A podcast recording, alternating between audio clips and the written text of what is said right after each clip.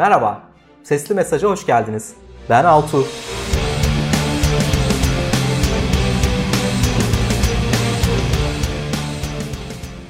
Arkadaşlar Oğuzhan ile konuşmaya devam ediyoruz. Ee, ilk bölümde Fenerbahçe'nin Rize Spor mücadelesini değerlendirmiştik. Bu bölümde ise gündemin biraz dışına çıkıp kulüplerdeki yapılanmayı konuşuyoruz. Kurum kültürünü ve kurumsal hafızayı nasıl oluşturabiliriz? Bir teknik direktör tüm ekibiyle mi göreve gelmeli ve teknik direktörün her dediği yapılmalı mı gibi sorulara cevaplar arıyoruz.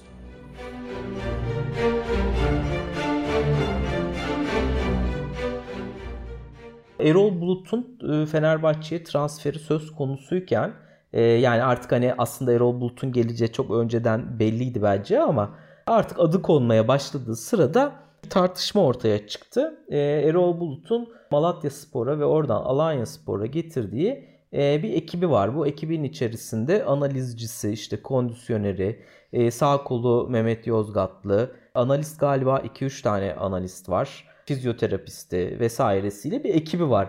Bu ekibin e, Fenerbahçe'ye tamamının gelmeyeceği konuşuldu. Ve burada da aslında bizim camiada da ufak tefek böyle bir teknik direktör niye ekibiyle gelmiyor, o ekibiyle gelmesi lazım gibi söylemler de oldu. O dönemde tabii şey konuşmaya başladık. E, Fenerbahçe gibi takımların bir kurumsal hafızası olması gerekiyor. E, ve bana kalırsa da gelen teknik direktörlerin e, tüm ekibiyle gelmemesi gerekiyor. Yani bu takımların zaten işleyen bir sistemleri olması gerekiyor ve işleyen kadrolaşmış bir takım elemanları olması gerekiyor. Tam o arada e, ben bunları düşünürken kafamda toparlamaya çalışırken sen bir tweet attın. Şöyle ben o tweet'i o zaman not almıştım ve bunu daha sonra Oğuzhan'la konuşurum diye düşünmüştüm. Şu ben sana okuyorum bunu. E, kulüp kültürü muhafızlığı olmak zorunda. O kültür yok ise de inşa edilmeli. Ben ona kırmızı kitap diyorum. E, kulübün futbol politikası A'dan Z'ye bunun içinde yaşatılmak zorunda. Yoksa kulübün yazılı olmayan genetikleri de yozlaşır, vasatlaşma evresine girilmesi kolaylaşır. Ben bu konudaki görüşlerini gerçekten merak ediyorum senin.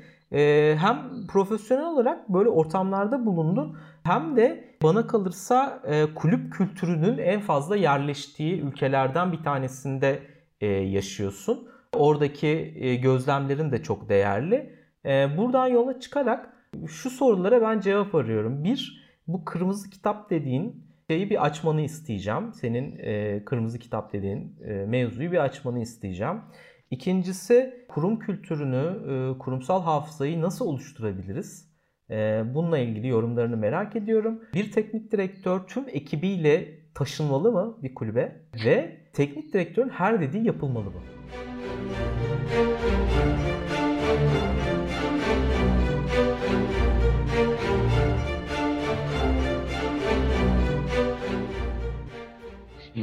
Kırmızı kitabın kalınlığı aslında o sizin yaratıcılığınıza bağlı kalmış bir şey.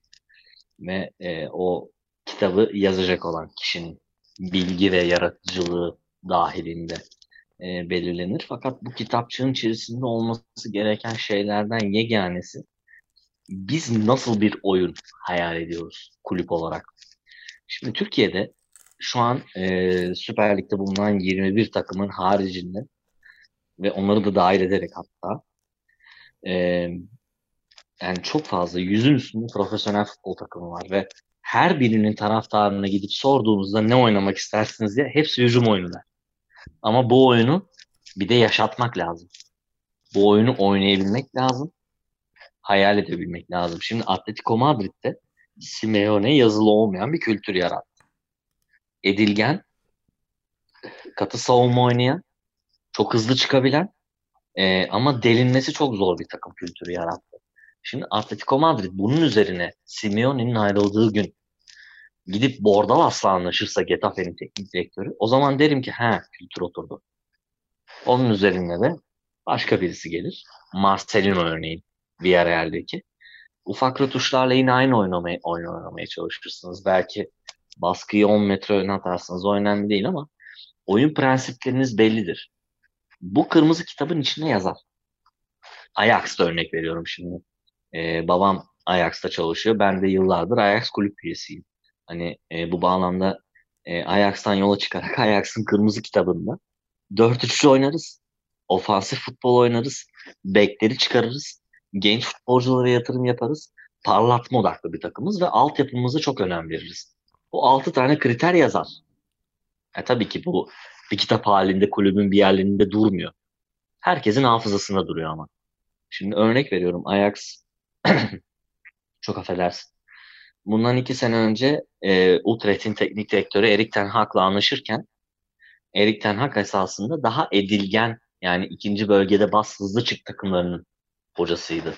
Ama Ajax şunu ikna olmuştu. Bu adam bizim sunduğumuz şartlarda da çalışır. Oyuncuları üzerinde ikna kabiliyeti var ve taktiksel rötuşları da yapıp bizi daha üst seviyede de bu prensipler üzerinden başarıya taşır. Yani daha üst seviyede diyeyim Şampiyonlar Ligi. Ve Ten Hag bunu yaptı. Başarılı da oldular. Yani burada şu şu var hani e, ofansif oynayacağız deyip şu ana kadar hep ofansif oynamış hocalarla çalışmak değil bu. Hocanın taktiksel ve zihinsel esnekliğine güvenerek belki de bunu da oynatabilir düşüncesi var. Ama kulübün prensibi aynıdır. Ben bunu oynarım diyor adam. Gelirsen gel, gelmezsen gelme. Benim kulüp ağırlığım var. Şimdi sana örnek vereceğim bir tane. Şimdi geçtiğimiz günlerde tweet de attım hatta. Ee, Gazişehir ile ilgili, Gaziantep Futbol Kulübü ile ilgili. Nedir? 3-5-2 oynuyor şu an. Maruf Şumudika önderliğinde. Ee, ya da 3-4-3'e de dönebilir ama çok döndüğünü görmedim ben. Ee, ve takımın kenar oyuncuları çok yok. Yani takımın şu an en iyi kenar oyuncusu hafızam beni yanıltmıyorsa Enver Cenk Şahin. Başka kenar oyuncusu da yok zaten elinde. Yani Kenan Özer'i devşirirsin nereye kadar devşirirsin? Şimdi bu noktada iki ay sonra Marius Şumudika'ya teklif gelse ya da işler kötü gitti Şumudika istifa etse yerine gelecek teknik direktör kanat oyunculu bir kurgu oynamaya çalıştığı an taca çıkacak o kadar çok oyuncu var ki Gaziantep kadrosunda. Ve o oyunu oynayamayacaklar. Çünkü zaten kenar oyuncusu yok takımda. Yani ne yaparsın? Muhammed Demir ile atarsın. Furkan Soyalp'i sol kenara çekersin. Andre'yi belki sağ kenara devşirmeye çalışırsın ama olmaz yani. Dikiş tutmaz. O yüzden orada ben şu sorgulamayı yaptım. Gaziantep Futbol Kulübü buna hazırlıklı mı? Yani kültürü buna doğru inşa etmeye başladı mı? Ee, biraz uzun oldu kusura bakma ama e, bayağı dert yanabilirim bu konuda aslında. Hem geçmiş tecrübelerime dayanarak hem de e, Türk futbolunda gördüğüm belirli başlı çarpıklıkları dışa vurarak aslında. Araya gireyim. Bayağı keyifli konu ve üzerinde konuşulması gereken bir konu bence bu. O yüzden yani uzun olmasında bir sakınca yok. Hakikaten burada çok kavram kargaşası olduğunu düşünüyorum ben. Yani yöneticileri eleştirmekle karışıyor bu konu. Yani yöneticilere güven olmadığı için çok fazla Dolayısıyla göreve getirilen bir profesyonele tam yetkinin verilmesi gerektiği düşünülüyor. Bu doğru ama bütün ipleri de hani 2 senelik 3 senelik anlaşma yapmış ee, ve e, daha sonra daha iyi bir teklif aldığı zaman başka bir kulübe gitmesi son derece normal karşılanacak. Olması gereken de belki bu. Ee, bir e, profesyoneli devretmemek lazım. Yani burada kulübün kendi kuralları olması lazım ve e, gelen profesyonellerin de buraya uyum sağlamasını beklemek bir, ona göre seçmek iki. E, bu prensiplerden de şaşmamak lazım diyeyim. Sen devam et. Şimdi şöyle e, prensip dedin çok doğru söyledin. Hollanda'da bir terim vardır. Kültür muhafızı diye. Bu kültür muhafızlığı esasında e, bir kulübün olmazsa olmazıdır.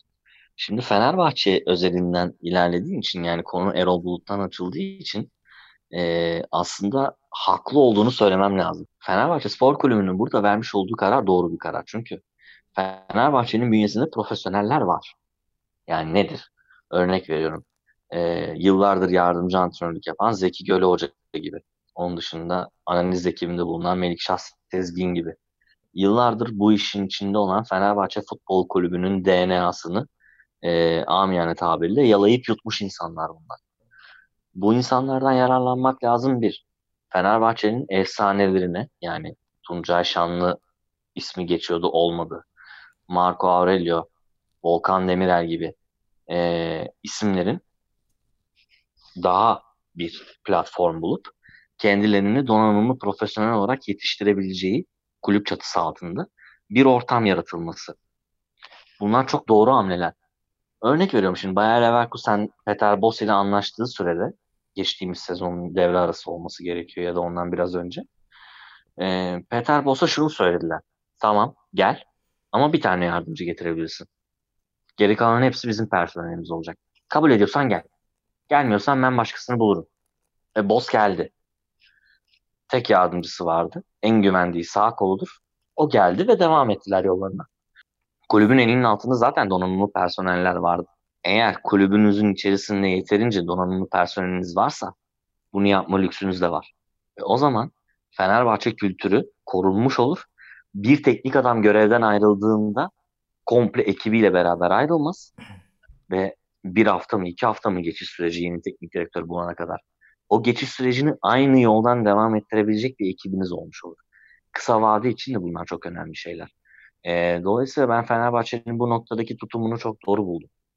Onu söylemem gerekiyor. Tebrik etmem gerekiyor hatta.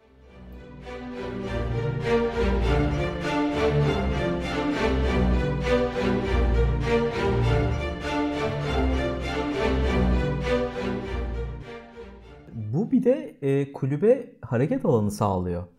Yani yeni denemeler yapma şansı da sağlıyor. Şimdi ben çok eskideki bir muhabbetten bahsedeceğim sana.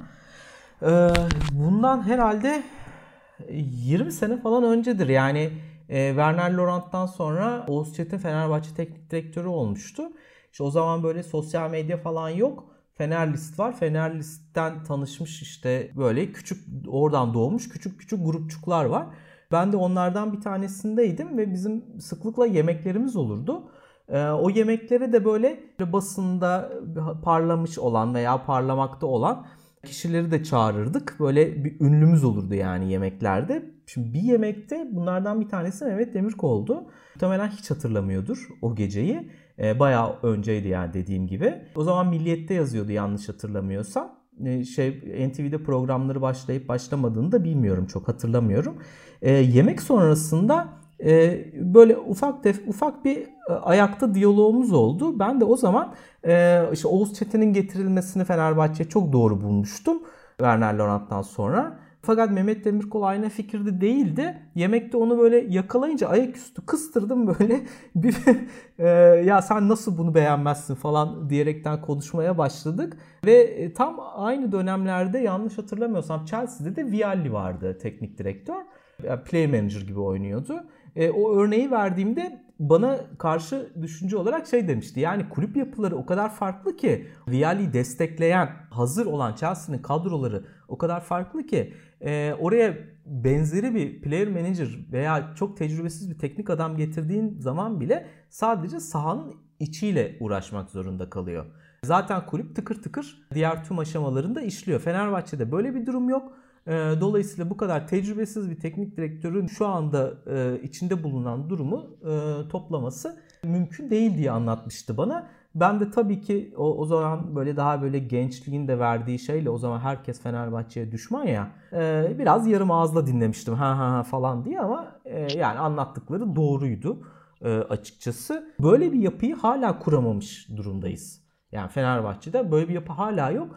E, hatta bunu kurma çabasının böyle çok acıklı bir yansıması Ali Koç'un ilk başa geldiği dönemde yaşandı. Yani kurumsal hafızayı taşımak adına e, Aykut Kocaman'ın ekibine tuttu ve e, işte Philip Poku'nun yardımcıları olarak verdi ve sonra yaşananları biliyorsun. E, neredeyse mahkemelik olduk onlarla. Hala ne olduğunu da bilmiyoruz gerçi ama e, böyle bayağı bir skandala varan şeyler yaşandı. Bu yapıyı oturtmak bence çok önemli ve e, kulübün de önünü açabilecek bir şey. Yani hareket alanını çok genişletebilecek bir şey. Ya şimdi şöyle e, bahsini geçirdiğin örnek doğru bir örnek. Güzel de bir anekdot oldu hatta bunu paylaşmandan ötürü mutlu oldum. Türkiye'de aslında bizim genel olarak yaşadığımız şey şu. Profesyonel yetiştirme kısmında biz eksiyiz. Bu sadece altyapıdan çıkan oyuncu olarak görünmemeli. Profesyonel yetiştirmek yani donanımlı personel yetiştirmek de çok önemli bir şey. Yardımcı antrenör olabilir, scout olabilir, analist olabilir e, ya da masa başı personel olabilir. Biz personel yetiştirme kısmında çok eksik bir ülkeyiz.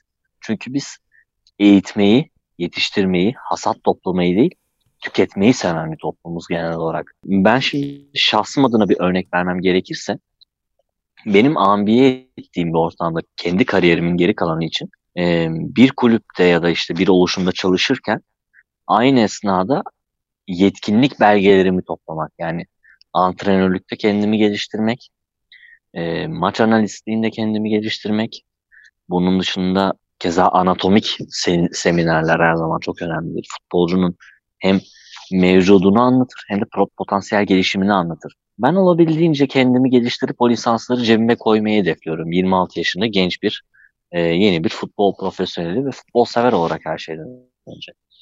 E, fakat şu var, kulüplerin artık yavaş yavaş bu tip oluşumlarda kendine de yetiştirici programlar üretmesi lazım diye düşünüyorum ben. Nedir bu programlar? Bu vakti zamanında kulüplerin yaptığı gibi gönüllü scouting sistemleri kurarak değil. Harbiden profesyonel yetiştirerek. Sadece genç nesillerle seçmek zorunda değilsiniz. Kendi profesyonellerinizi ya da eski profesyonel futbolcularınızı bu doğrultuda eğitme şansınız da var. Yani Fenerbahçe'nin yaptığı hamleyi ben o yüzden doğru buldum. Aurelio, Volkan Demirel, kulübün eski futbolcuları yani bu kulüpte oynamanın ne anlama geldiğini bilen, bu kulübün ne oynamak ne oynaması gerektiğini, taraftarın beklentisini çok iyi bilen insanların bu kulübün çatısı altında gelişme ve kulübe faydalı birer birey olmayı devam etme yolunu Fenerbahçe Kulübü bunları açtı.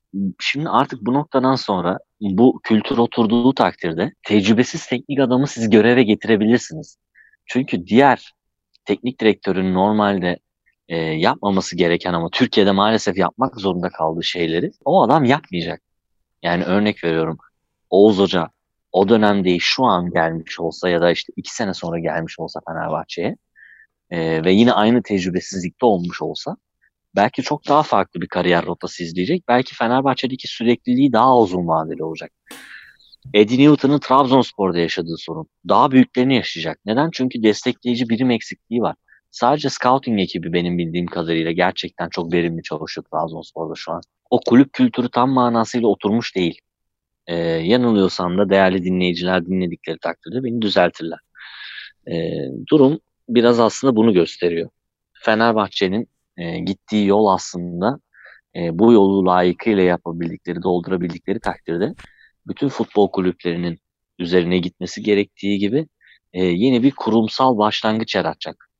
Şimdi Başakşehir Futbol Kulübü'nden bahsediyoruz. Kendisinin ismini burada zikredeceğim. Hiç yüz yüze tanışmadık ama e, gittiği yolu takdir ediyorum. E, Barbaros Gözneli. E, Başakşehir'in alt kademelerinden başlayarak e, en nihayetinde kendisini hem seyahat ederek geliştirdi hem kulüp bünyesinde geliştirme şansı buldu ve Boluspor'un sportif direktörü oldu şu an.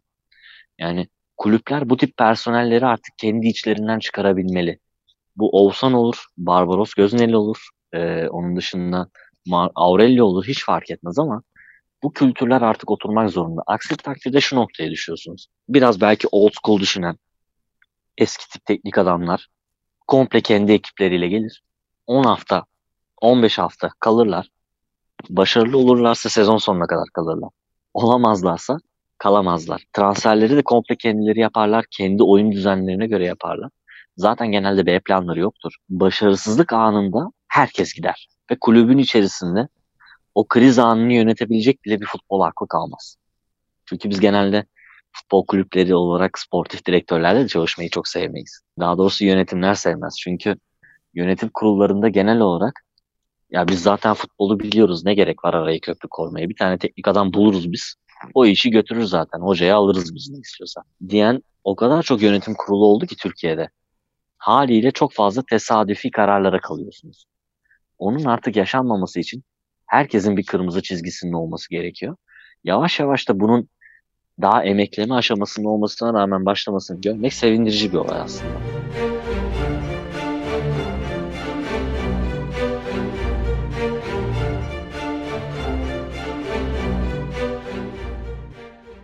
Ee, evet yani Ali Koç'un hani bu e, vizyon vizyon diye anlatıyorlar ve vizyonunu terk etti diyorlar e, diye eleştirilen e, kısmının önemli parçalarından bir tanesi bu aslında. Yani ağır aksak da olsa hala bir şeyleri yapmaya çalışıyor gibi görüyorum ben.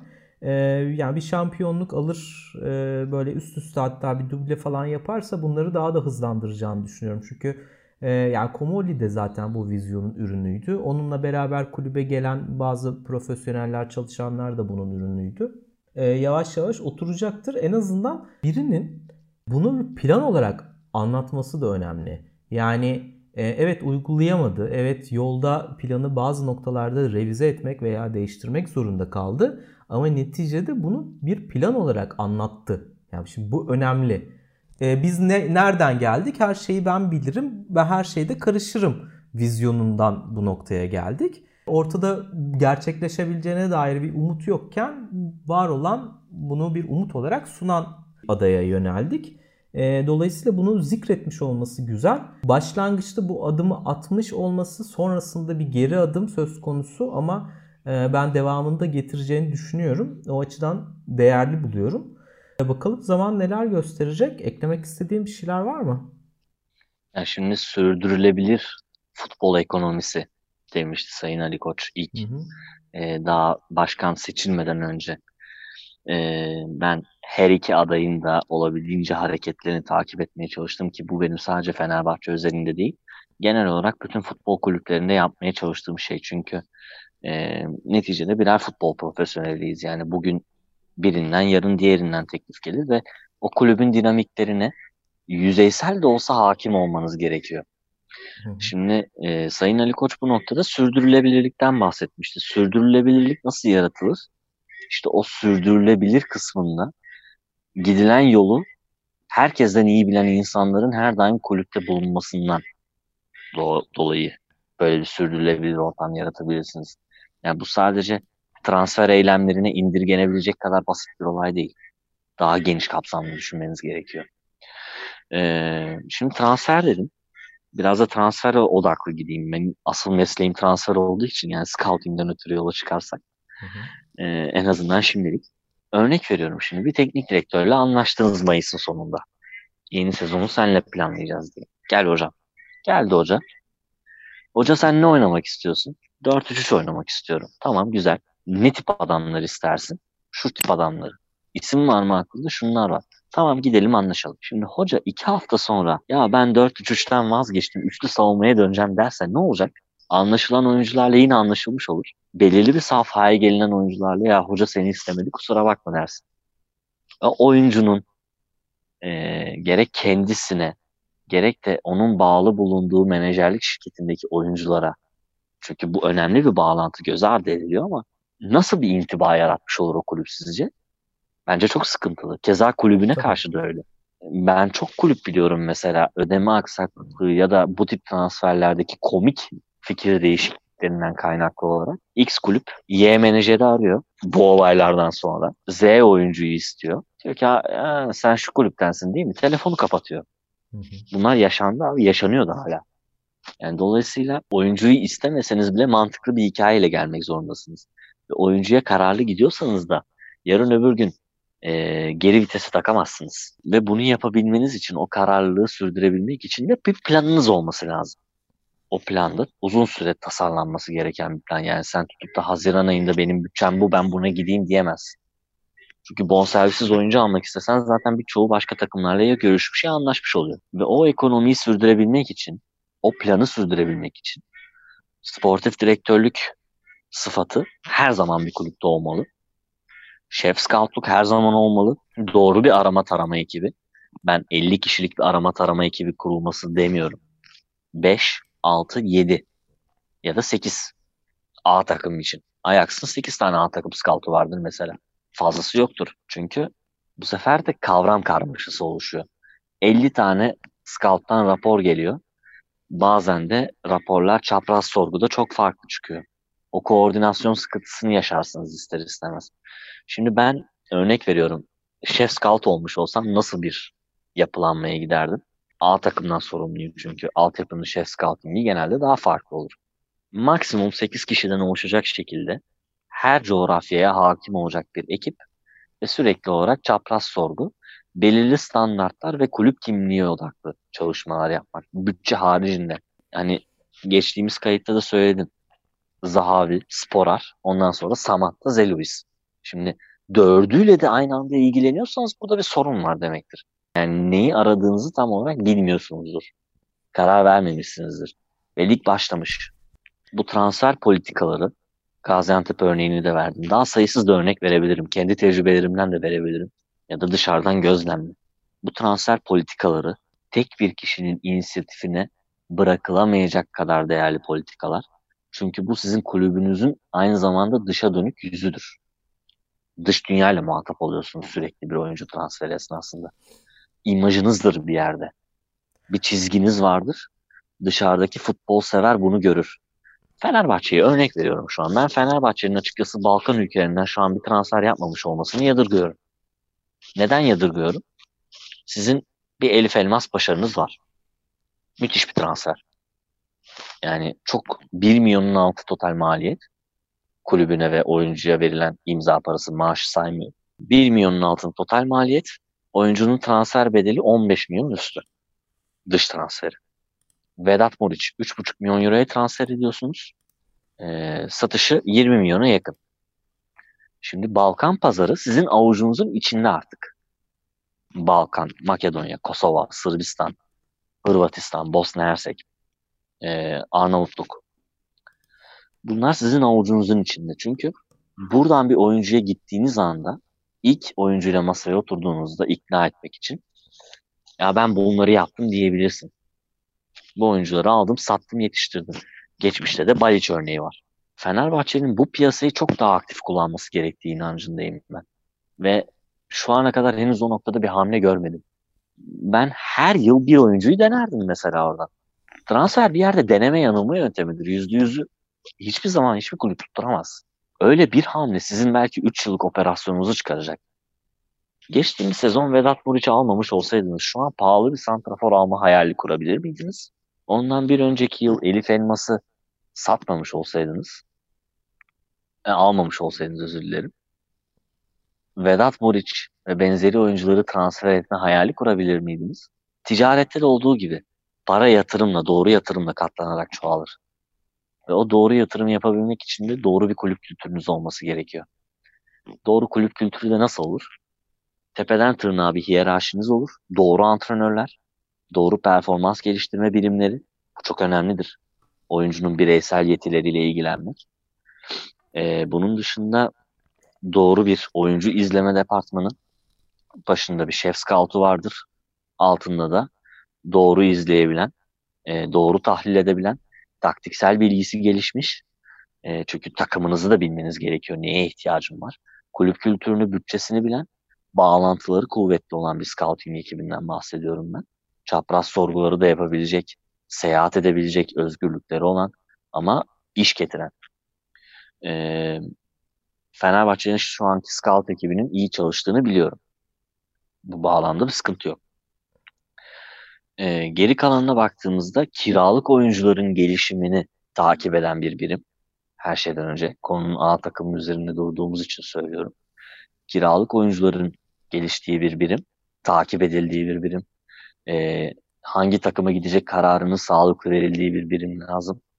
Ve daha böyle birçok destekleyici birimden bahsedebiliriz bir kulüp yapılanması içerisinde. Yani bu birimleri anlatmaya kalksam daha 3 saat seninle böyle muhabbet edebiliriz Altu abi. Yani o konuda hiçbir sıkıntı yok. Ee, bu birimlerin sağlıklı ve koordine bir şekilde çalıştığı bir kulübün zaten mali sıkıntı çekme şansı yok. Düzenli başarısızlık getirme şansı yok. Çünkü her şey kanıta dayalı. Hata payını minimalize ediyorsunuz.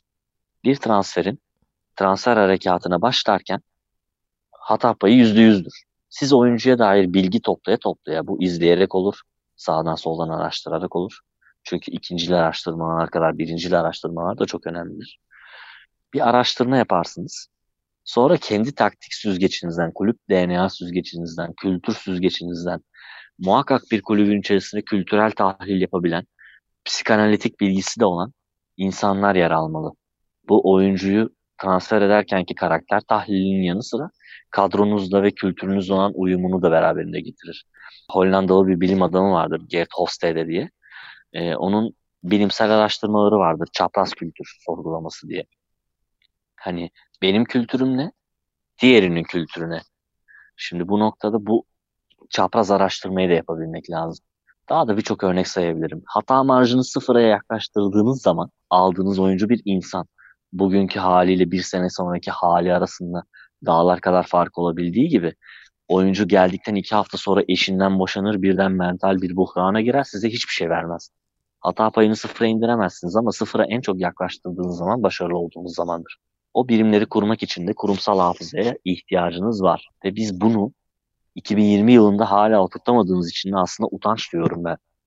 Yani Türk futbolunu izleyen bir insan olarak. Ama burada işte dernekler yasası, kulüplerin gelip geçici yönetimler tarafından devralınması gibi birçok temel sorun var. Buna girersek de hakikaten geceyi buluruz. Ee, kaba bir özet geçmem gerekirse bu noktada da o destekleyici birimlerin çok büyük önemleri var. Biraz değiş dökmüş oldum abi kusura bakma ama yani bunlar hakikaten çok elzem şeyler. Çünkü hani yaşayarak da görüyor insan bunları bir kulüp bünyesinde. Hı. Doğru sağlıklı kulüp bünyeleri çok farklı çalışmalı gibi düşünüyorum. Ee, Başakşehir, Fenerbahçe ve hatta Galatasaray'ın uzun dönemli scouting yapılanmasını düşünürsek bazı büyük takımların en azından doğru küçük adımlar da olsa doğru adımları attığını görmek sevindirici. Ufak ufak yeni yeni. Emekleme safhası abi daha yani hani daha ama koşmaya başlamadık. Bak bu birazcık e, genel bizim e, ülke yapımızla alakalı bir şey. Şimdi bir araştırma var. Türk insanının gelecek projeksiyonu 3 seneyle sınırlıymış yani. Kendinizi nerede görüyorsunuz? Planınızı neye göre yapıyorsunuz diye soru soruluyor. Ortalama hep 3 sene sonrasıyla ilgili projeksiyon yapıyor. Şimdi e, bu böyle olunca asla uzun vadeli plan yapamaz hale geliyorsun. Hiçbir işte, hiçbir sektörde. E, spor gibi böyle dinamiklerin çok hızlı değiştiği ve duygusallığın çok ön planda, ön planda olduğu yani taraftarlık ve futbol söz konusu olduğunda daha da uzun vadeli planlar yapmak imkansızlaşıyor. Birazcık e, bizim ülkemizin karakteristik özelliklerinden bir tanesi. Şimdi Ali Koç çok değişik bir kurumsal hayattan geliyor. Yani Türkiye'nin en büyük holdingi, Türkiye'nin en köklü holdingi aynı zamanda belki de. E, dolayısıyla orada e, ortalama bir e, Türk iş adamından çok daha fazla geliştirmiş olduğu pratikler var. Plan yapmak ve uygulamak adına bunlardan uzaklaşmış görünse de bir şekilde entegre edebileceğini düşünüyorum.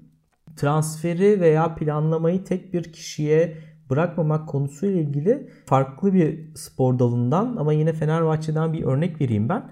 Ee, benim bu konular gündeme geldiğinde hep aklımın bir köşesinde gelir. Ben Tanyevic'i çok severim. Yani e, genel bizim Fenerbahçeliler pek sevmezler Tanyevic'i ama ben çok severim. E, 1-3-1 alan savunması mı diyorsun? Yani e, onun hem 1-3-1 alan savunmasını falan çok severim de şimdi bu söylediğim şey aslında onu e, biraz eleştirmek olacak. Şimdi Tanyevic ikinci sezonunda e, Mirzat Türkçan'ın sözleşmesi bitiyordu. Tamam mı? Mirsat'la anlaşmak istemedi Tanyevic. E, sen takım bul dedi.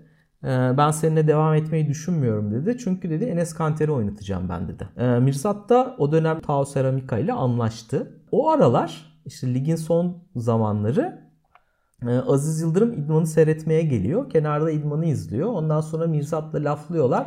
Niye sözleşme imza atmıyorsun diyor. Ne oldu senin sözleşme diyor. Mirsat da böyle böyle böyle diye anlatıyor yani beni istemiyor işte koç ben de gidiyorum falan diye. Abi Mirsat'a Aziz Yıldırım sözleşme e, hazırlatıyor ve arabasının kaputunda sözleşme imzalatıyor idman çıkışında. Enes Kanter'in de ne olduğunu biliyoruz.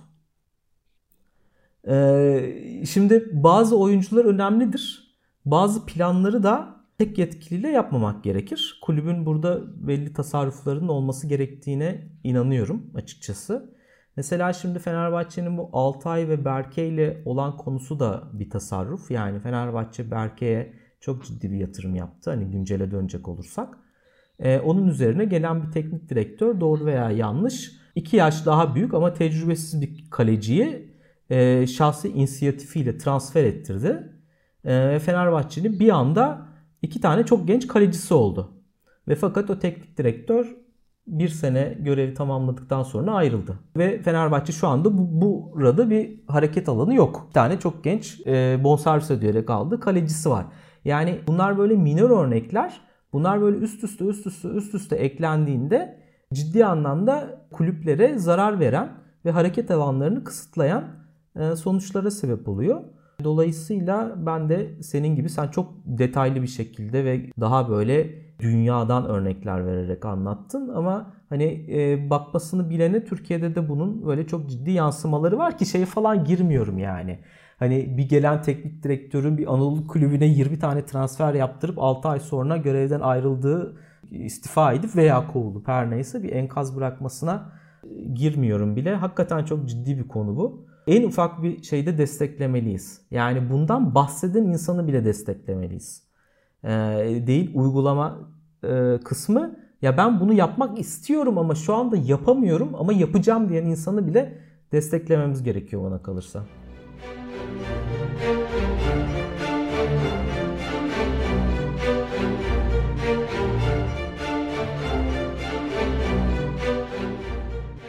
Şimdi şöyle bizim insanımız her şeyde acelecidir ama bir yandan da kültürel testlerde tam tersi çıkıyor. Şimdi nedir?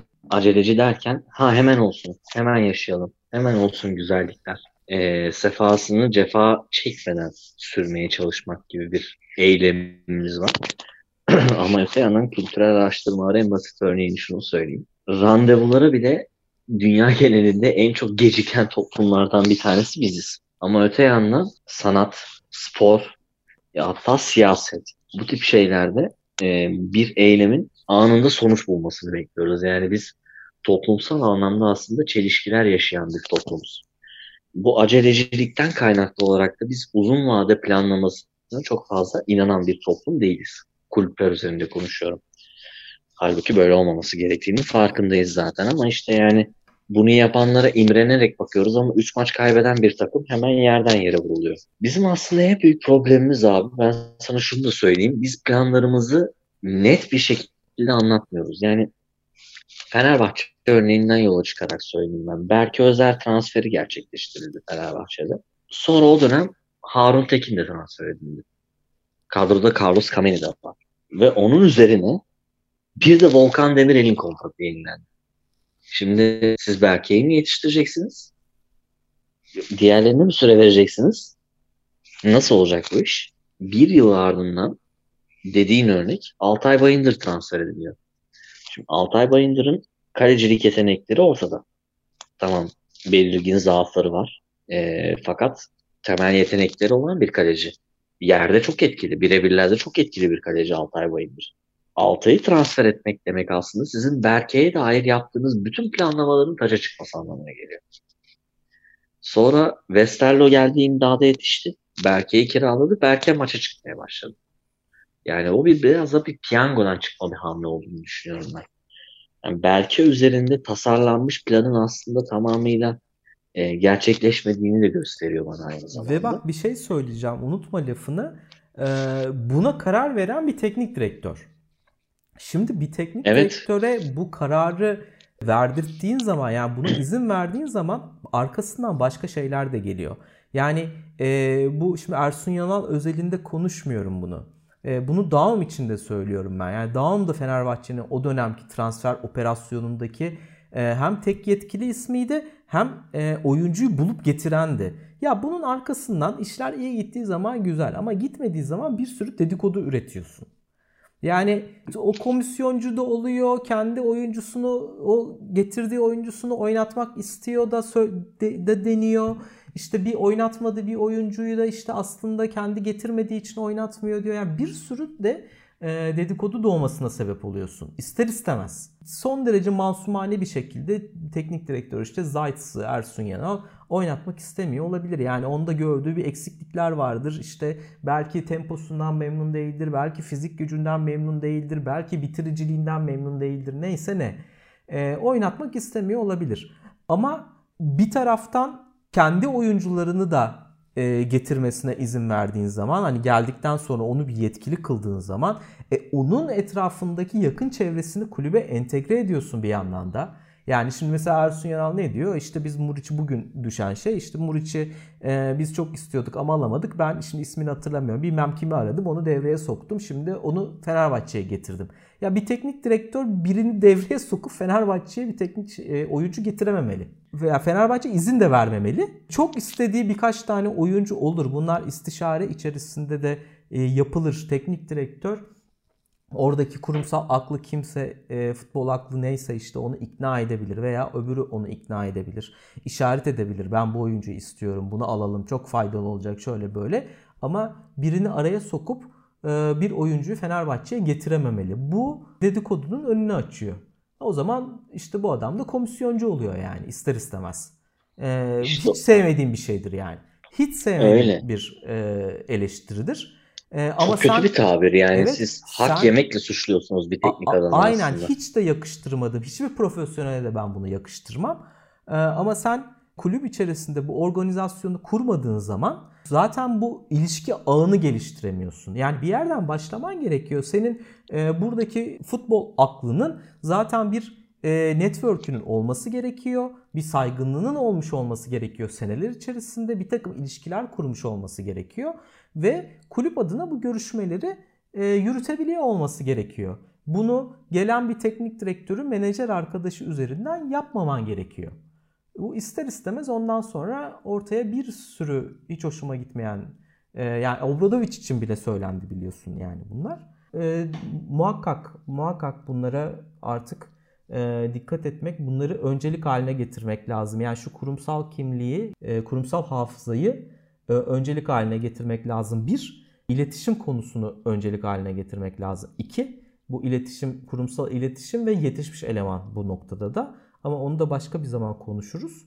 Söylediklerine son derece katılıyorum. E, ufak ufak toparlayalım. Bir saati devirdik bu konuyla ilgili de. E, son bir sözlerim varsa alayım.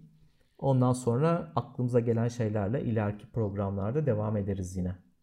Evet tabii zaten şimdi e, programımızı dinleyen e, insanlardan da muhakkak bu doğrultuda eğer tabii ki kafalarına yatar hoşlarına giderse ya da tam aksine belki katılmıyorlar daha farklı bir açıklama istiyorlar.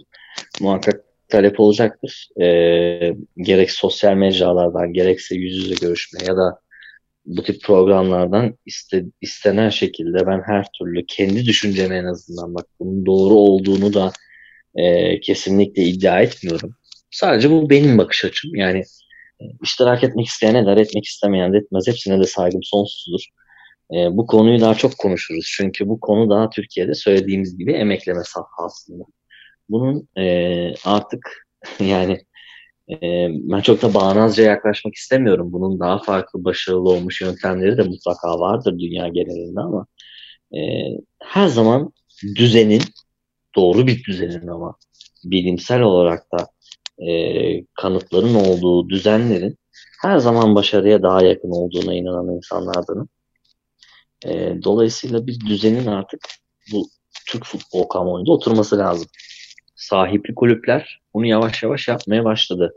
Sahipli olmayan kulüpler de yapmaya başladı yavaş yavaş. Yani değişik yapılar görmeye başladık. E, bunun devamı gelsin diye umut ediyoruz. Yani e, içerisinde yarın öbür gün ben olurum ya da olmam o çok önemli değil. Maksat Türk futbolunun gelişmesi. E, bu noktada da e, fikir üretmek her zaman bence Türk futbol kamuoyu içerisinde e, bulunan ya da bulunmayan tüm futbol severlerin boynunun borcudur diye düşünüyorum. Çünkü yani e, herkesin fikirleri önemli bu bağlamda. Ya daha çok örnek veririz. Bunların örneği sonsuzdur. E, dilerim ki daha sürdürülebilir bir futbol ekonomisine gidilir. Bunun da yolu dediğim gibi toplu bir çalışmadır. Yani bir transfer yaptığınızda bu yaptı, bu başarısız demek de doğru değil. Bu yaptı, bu başarılı demek de doğru değil. Ben bir profesyonel olarak ben çok transferin içerisinde bulundum. Başarılı ya da başarısız şu ana kadar. E, profesyonel ya da danışman olarak dışarıdan verdiğim katkılar dolayısıyla hiçbir transferde benden asla şu transfere imza attım lafını duyamazsınız. Çünkü buna inanmıyorum. Ee, ama bunun da gerçekleşmesi için bütün yapının tek yürek bütün hamlelerin arkasında durması lazım. Olumlu ya da olumsuz. Katılmıyorsan bile konsensüs bir yöndeyse katılmak durumundasınız. Çünkü e, ekip içerisinde de kimse kimse kimseyi satmamalı. Kulübü de satmamalı aynı zamanda. Yok ben karışmadım, ben yapmadım. Öyle bir dünya yok. Ama bunun içinde herkesin bir transfer için sunduğu donelerin, sunduğu katkıların e, belirli ölçütte kabul edilebilir olması lazım. Bu da söylediğin gibi kalifiye elemanlardan geçer, doğru bir kulüp struktüründen geçer, düzeninden yani. Ve kulübün de o araştırmayı tamlamak adına sunduğu imkanlardan geçer. Bunlar gerçekleştirdiği takdirde 8 scout'un 7'si konsensus sağlar, birisi katılmaz belki ama genel konsensus olumludur. Belki birisi haklı çıkar, belki 7'si haklı çıkar ama o bir ekip transferidir. Ekip dolayısıyla kulübün transferidir. Böyle kalması gerekiyor. Yoksa teknik adamları da zan altında bırakmak yanlış bir olay diye düşünüyorum ama ülkenin e, esasında bugüne kadarki bozuk konjüktürü biraz daha teknik adamları bu hareket alanını verdi. Şimdi bir teknik adam düşünün. Son olarak bu konuya da e, bir dakika değinip ondan sonra da e, toparlayacağım. Bir teknik adamın rutin yaşantısı yani 8 saatlik uykusunu e, 2 saatlik 4 saatlik ya da sosyal hayat e, dilimini koyarsak günde 14 saatlik bir çalışma temposu var. Ya da 12 ya da 16. O varyantlarda.